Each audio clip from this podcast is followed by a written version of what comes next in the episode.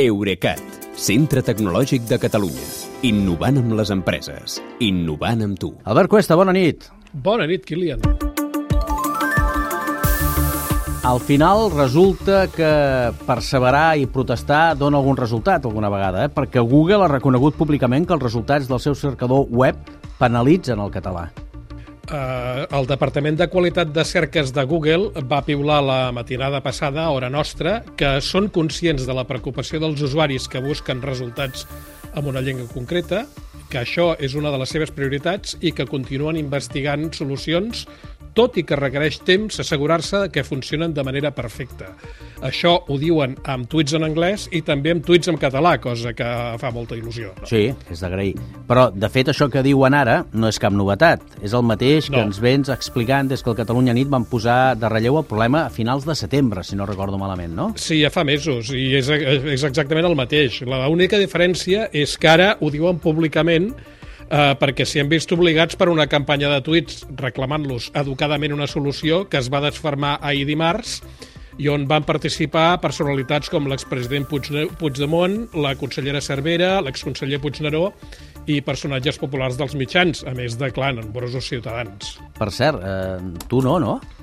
No, jo no hi vaig participar perquè a mi, per una banda, se'm fa molt estrany interpel·lar una gran tecnològica fent servir una, la plataforma d'una altra, en aquest cas Twitter, que no és seva, quan eh, Google té canals propis de reclamació. Ja. Però és que, a més, com deies, ja fa mesos que tenim converses directes amb Google eh, i em consta que treballen per resoldre el problema, sobretot des de final d'any, perquè sí que és cert que els primers mesos no donaven cap importància a una incidència en una llengua que consideren minoritària, però al final, eh, insistint, els vam convèncer de que ens havien de fer cas, si més no, amb la part que els toca. Quan dius això de la part que els toca és perquè potser hi ha alguna part que no els toca i no tot és culpa seva?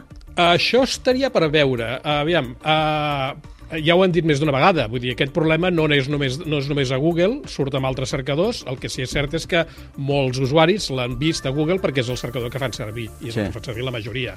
Uh, Google, amb un segon tuit d'aquests de resposta, assegura que no ha fet cap canvi recent amb l'algoritme i apunten la possibilitat que els resultats no siguin òptims perquè es dona prioritat a les versions per mòbil. Però, de fet, amb un tercer tuit de la resposta d'avui, intenten fer una cosa que a mi em sembla molt lletja, que és eh, traslladar la responsabilitat del problema als propietaris de les pàgines web en català que no surten ben posicionades als resultats, és a dir, la majoria. I a sobre hi enllacen un document amb recomanacions per etiquetar-les millor perquè s'indexin correctament. El que passa és que seguir aquestes recomanacions no garanteix que el problema quedi resolt, perquè hi ha pàgines que ja fa molt de temps que ho fan, com per exemple la Viquipèdia, i mirant les estadístiques es veu que els accessos des de Google a la versió en català de l'enciclopèdia ja van començar a caure notablement durant el segon trimestre de l'any passat respecte al mateix període de 2021. De manera que si Viquipèdia no havia fet res, eh, alguna cosa hi deu tenir a veure a l'algoritme de Google. Sembla bastant evident, això. Tu ja els ho has dit, això? Sí, i no només això, eh, continuem enviant-los mostres de resultats erronis perquè puguin diagnosticar què li passa amb el seu, a la seva fórmula de la Coca-Cola, l'algoritme. El que passa és que cada vegada perdem més temps, i també t'ho he de dir, verificant aquestes mostres, perquè moltes de les que havíem enviat i que ens van fer arribar internautes, amb molt bona voluntat, van resultar que no eren vàlides, perquè allà mateix s'hi veu que l'usuari no té del tot catalanitzat el seu entorn i en aquests casos Google no fa altra cosa que resulta, retornar els resultats que se li demanen. I aquestes mostres de suposats errors que no ho són desacrediten les reclamacions que sí que realment estan justificades.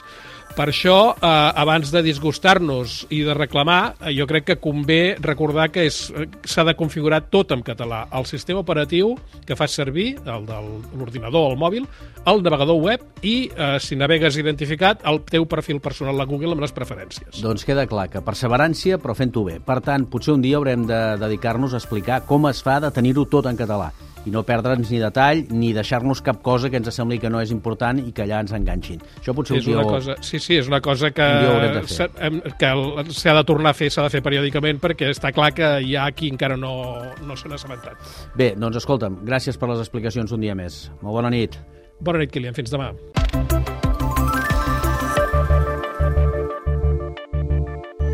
Eurecat, centre tecnològic de Catalunya. Innovant amb les empreses. Innovant amb tu.